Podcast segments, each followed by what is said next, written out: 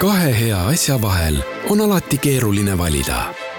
kas eelistada uusimat tehnoloogiat või elegantsemat välimust? uue Toyota Camry täishübriidelektriautoga on valik lihtne. See on lipulaeva elegants, mugavus ja turvalisus. uus Camry Hybrid koos viimase põlvkonna Toyota Safety Sense ohutuspaketiga. Camry Executive on nüüd eriti hea tutvumispakkumisega. vaata lisa toyota.ee. kuku raadios välja öeldud seisukohad ei pea ühtima Kuku raadio seisukohtadega. Te kuulate Kuku raadiot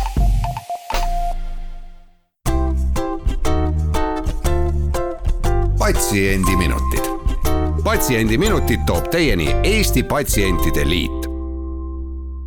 tere, head Kuku kuulajad! õietolmu allergiahooaeg on täies hoos ja sestap räägime meie ka täna, kuidas haigust ära tunda ja kust abi saab. mina olen Kadri Tammepuu ja meie saatekülaline on Ida-Tallinna Keskhaigla allergoloogia immunoloogia keskuse juhataja Krista Ress, tervist! tere! no kevad oli meil külm ja vihmane ja sestap oli kaskede, lepp, leppade, sarapuude õitsemise ajal allergikutel tavapärasest rahulikum aeg.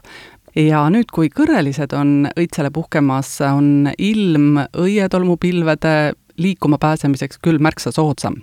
kuidas üldiselt allergikutega on, kas rohkem on neid, kes on tundlikud ainult üht tüüpi allergeenile, noh näiteks, et sarapuu õietolmule tundlik inimene võib nüüd rahulikumalt hingata? Äh, jah, sellel aastal tõepoolest kevad oli allergikutele soodsam, et eelmisel aastal õitsemine algas õige varakult, ilm oli soodne, soe, siis sellel aastal need vihmased ilmad on tõepoolest selle allergikute hooaega nii-öelda edasi lükanud ja ta tuli nüüd nii-öelda äkilise hoona meil siin aprillis-mais. praegusel hetkel on üllatavalt rahulik, sest tavapäraselt meil äh, maikuu ja juunikuu on olnud ikkagi allergikutel ka veel üsna raske et hetkel on üllatavalt rahulik, aga tõepoolest, nagu te ütlesite, et nüüd hakkavad tulema kõrreliste periood ja see tõenäoliselt ei, ei saa meil ka väga kerge olema, et äh, paraku meie suvi on lühikene, et kõik õitsejate õietolmamised kipuvad kattuma, et tavapäraselt ongi, et äh, puud õitsevad meil kuni juuni lõpuni, aga juunist juba alustavad kõrrelised, kes õitsevad seal ka kuni juulis ja isegi augustis veel natukene, aga juuli lõpust, augustist tulevad siis äh, peamise süüdlasena puju ja teised sarnased äh, taimed.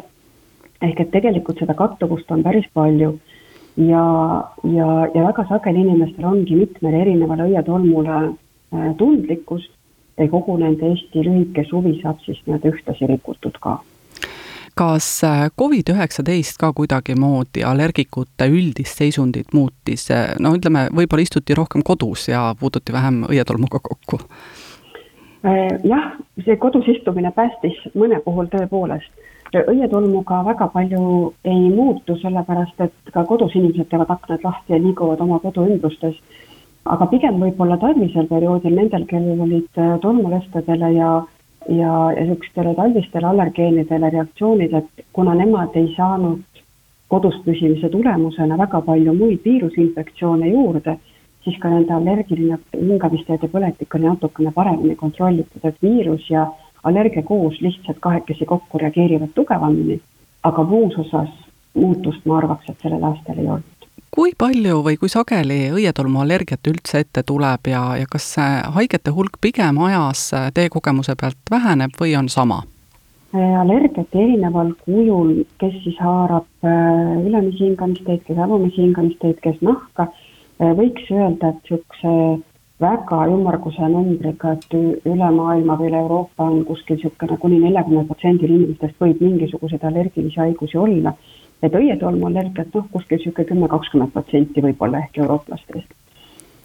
paraku natukene see allergikute hulk viimastel aastakümnetel on suurenenud ja ta ei ole veel näitamas sellist äh, rahunемistendentsi, et see protsent tõenäoliselt ikkagi veel tasapisi suureneb. ehk äh, kuna nii-öelda natukene allergia tekkes mängib rolli ka geneetika ja mida rohkem meil on inimesi, kes on allergikud, siis nende järeltulevatel põlvedel on ka suurem risk allergikuks ise saada, et mida rohkem allergikuid on, seda rohkem neid ka juurde tuleb, et see on paratamatu ja keskkonnamuutused aitavad ka kaasa. just, et kui me räägime keskkonnamuutustest, siis ju ka ilmselt taimed natukene muutuvad, aga kas teil on ka aimu, et kumb muutub rohkem, kas õietolm või inimene? karta võib, et inimene või siis õigemini öeldakse inimese poolt muudetud keskkond. Et kui aastakümneid tagasi me olime niisuguse maalähedase eluviisiga ja elasime maapiirkondades ja olime nii-öelda käsipidi mullas ja, ja loomade ja, ja, ja loodusega lähemal, siis see soodustas meil allergiavastast äh, kaitset, üldse immuunsüsteemi nii-öelda head tasakaalustatud seisu. Aga praegusel hetkel, kui meil on ikka suurem osa inimestest elab linnapiirkondades ja meie elukeskkond on selline linnastunud, siis see paratamatult immuunsüsteemile mõjub natuke teisiti ja, ja seetõttu võib-olla on see allergikuid ka rohkem no just, et inimesed elavad linnades, aga ümberringi on asfalt, et kuidas selle õietolmuga on, et äh, miks ta seal siis levib, et äh, vahepeal ju üldse peaaegu et loodust linnas ei näegi või on see, et, äh, et õietolm ikkagi levib päris kaugele? just, õietolm ei tunne ei maakonna, linna ega riigipiire. ka lätlased, kui nendel õietolm tugevalt juba õitseb, siis Lõuna-Eesti kannatab samamoodi, on käpulimaas. Ehk äh, see, et ma, meil väga sageli patsient ütleb, et teate, et kas ma nüüd pean naabrile ütlema, et palun võtku see puu akna alt maha, siis ma ütlen, jätke see naabripuu rahulikult püsti, sest et tegelikult see õietolm tuleb ka järgmise naabri ja ka kõrvalmaakonna õue pealt. ei ole see konkreetselt äh, inimesele tema ümbrusest nii palju sõltuv, et tõepoolest, et kui ma olen kasele allergik, siis ma ei peaks oma õue peale panema kümmet kasepuud, et seda nii-öelda kaebusi veel suurendada, aga sellel perioodil, kui kass kõitseb, siis see kaseõietolm tuleb meile ka kaugemalt, nii et, et need linnapiirid ja maakonnapiirid siin ei mängi rolli haigus on ilmselt selline ka, et äh, mõnel ta avaldub äh, tugevamalt, mõnel nõrgemini. Ja mul on ühed tuttavad, äh, kelle laps on nii allergiline õietolmule, et nemad pidid vahetama elukohta ja asusid elama täiesti mere äärde, laps läks hiljem trenni purjetama, et võimalikult siis vähem õietolmudega kokku puutuda, et kui tihti teil selliseid patsiente ette tuleb, kes ei saagi abi ja peavad tegelikult oma elu kardinaalselt muutma kõik allergikud peavad natukene oma elu muutma, et see on paratamatus, et kui meil on allergia mingisugusele keskkonnafaktorile, siis esimene soovitus on võimalusel vähendada kontakti selle konkreetse allergeeniga. et antud näite puhul oli väga õigesti, et mere ääres tõepoolest õietolmud niiskusega on ära seotud, tuuled puhuvad nad sealt ära, see on soodsam keskkond õietolmu allergikule kindlasti selliseid olukordi, kus me kohe üldse midagi ette võtta ei saa, tuleb ikka väga harva, et, et kui patsient ja arst on omavahel heal järjel, nad saavad asjast ühtemoodi aru ja nad on ühel eesmärgil väljas, siis eh, tegelikult enamikel juhtudel me saame ikkagi elu niimoodi korraldatud, et inimese elukvaliteet peaks olema ikka üsna hea ja kuna see haigus ikkagi kordub igal aastal uuesti, siis ka kogemusi ilmselt tuleb juurde. aga kuidas vanusega haigus muutub, kas ta pigem ägeneb näiteks vanemas eas või vastupidi, et tõmbub kuidagimoodi tagasi?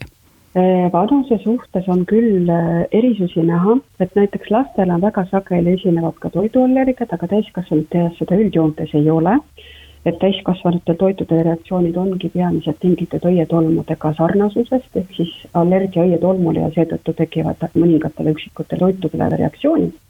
aga õietolmu allergiatega on küll niimoodi, et kui need väikelapse või eelkoolieas või koolieas tekivad, siis äh, väga suurt šanssi, et äh, see ise mööda läheks, ei ole et siin tuleb kindlasti siis sekkuda ravimitega ja, ja võimalusel siis immuunsüsteemi mõjutavate ravimitega aga räägime siis lahti ka, et ähm, miks ja kuidas see õietolmuallergia ikkagi tekib, kui saab seda kuidagi lihtsalt inimese keelest rääkida?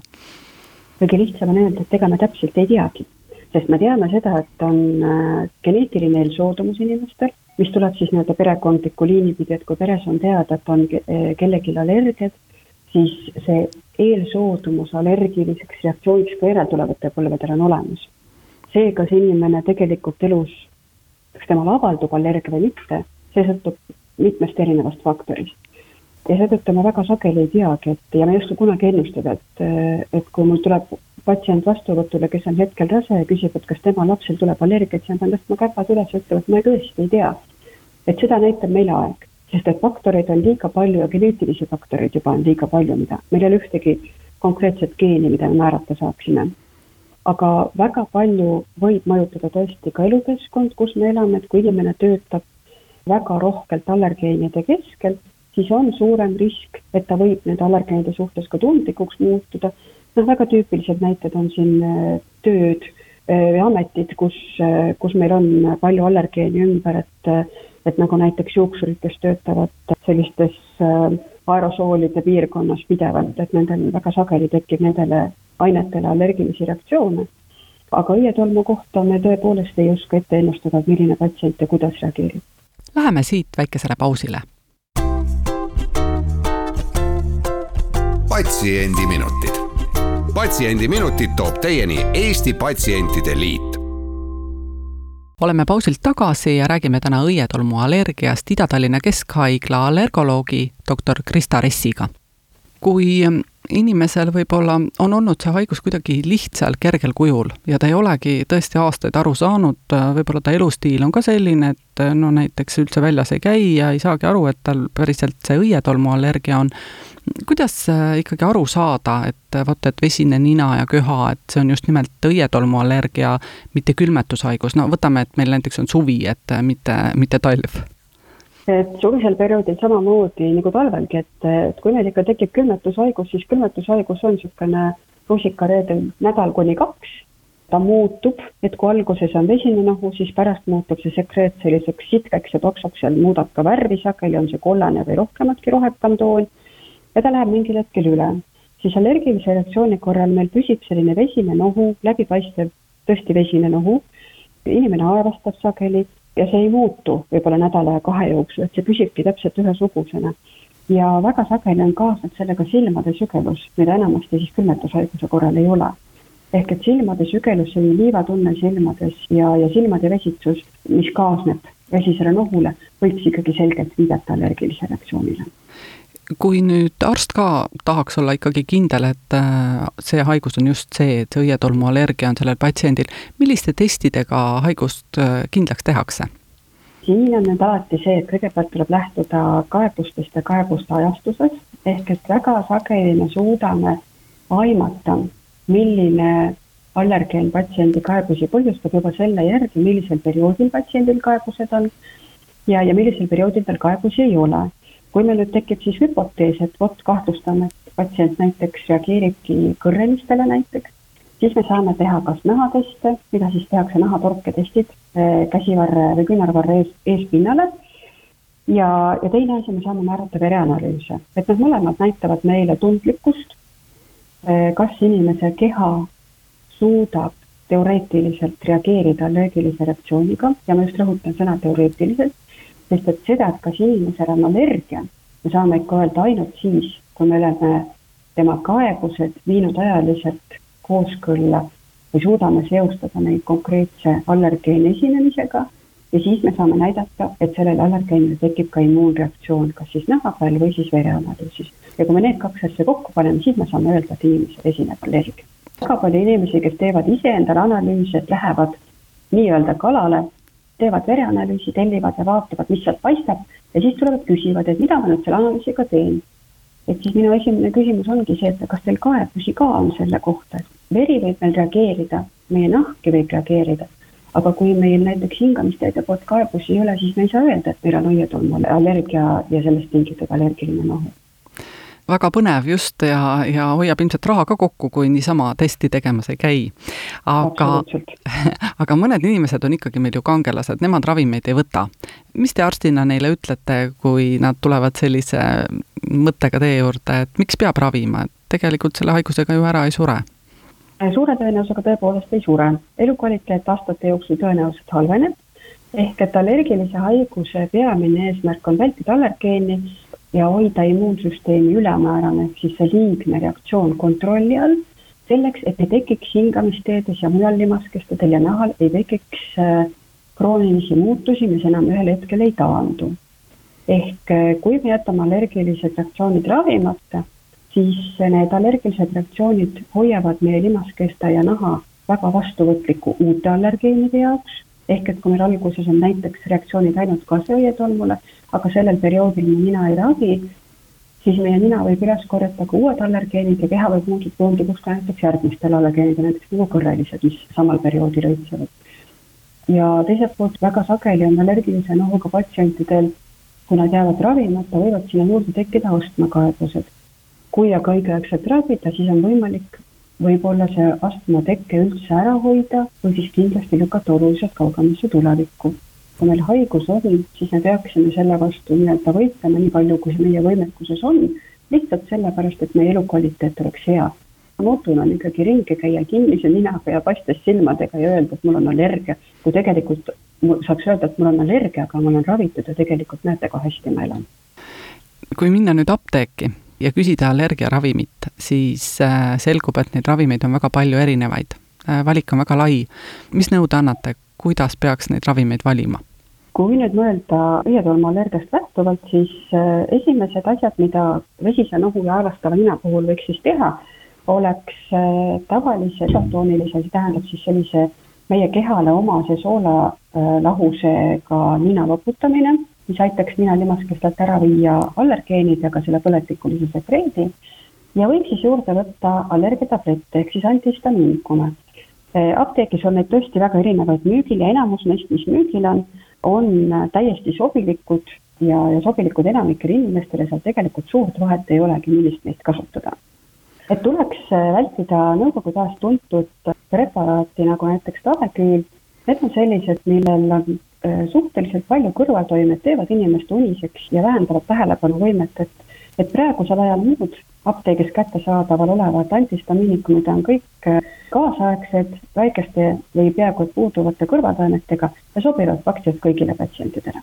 nii et põhimõtteliselt, kui seda niinimetatud uuema põlvkonna ravimit kasutada, et siis tohib autot juhtida ja niisuguseid täpseid töid teha, mis võib näpud ära lõigata? just, et tuleb kindlasti jälgida, et eks igaüks meist on indiviid ja igaüks reageerib natuke teistmoodi, et et tuleb vaadata, et esimesel päeval, kui allergiaravimit kasutatakse, et siis kohe selliseid keerukaid protseduure ette ei võta aga kui on näha, et tõepoolest see preparaat mingilgi moel ei mõju, siis tegelikult ei ole eeldada, et, et ta meie igapäevaelu peaks segama ja ka töö tegemist ja autojuhtimist peaks segama.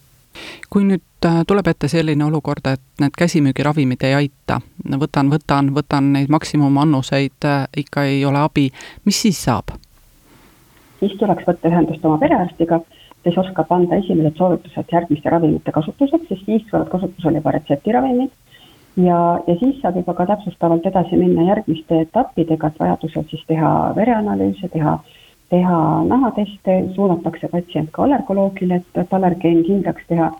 ja, ja siis saab juba ka veel edasi kaaluda ka seda, et kui need retseptiravimid ei aita, siis meil on ka järgmine etapp, me saame kasutada immuunravi, kus me siis üritame immuunsüsteemi mõjutada selliselt, et, et immuunsüsteem ei reageerikski allergeenile allergilise reaktsiooniga kas on mõni hea näpunäide, millega te alati oma patsiendi ära saadate, kui ta läheb teie kabinetist välja? kui nüüd õietolmude puhust rääkida, siis äh, õietolmude korral reeglina tuleks siis vältida päikeselise ja tuulise ilmaga väljas viibimist, võib käia mere ääres, aga allergikutel on siis jah, soovitatav pigem liikuda varahommikul või õhtul hilja, kui hakkab vaikselt tulema juba kaste ja võimalusel siis tõesti, kui ta on tubades palav, et tuulutada ruume öisel ajal, eh, vihmasel ajal, hommikul vara, õhtul hilja, et siis lauspäikese ja kuivaga eh, pigem hoida aknad kinni. no selge, ma väga tänan teid, Ida-Tallinna Keskhaigla allergoloog Krista Ress õietolmu allergiast täna rääkimast. ilusat, rahulikku ja õietolmuvaba suve kõigile! Aitäh, täname ka kuulajaid, mina olin Kadri Tammepuu, oleme taas eetris nädala pärast ja seniks olgem terved! patsiendiminutid. patsiendiminutid toob teieni Eesti Patsientide Liit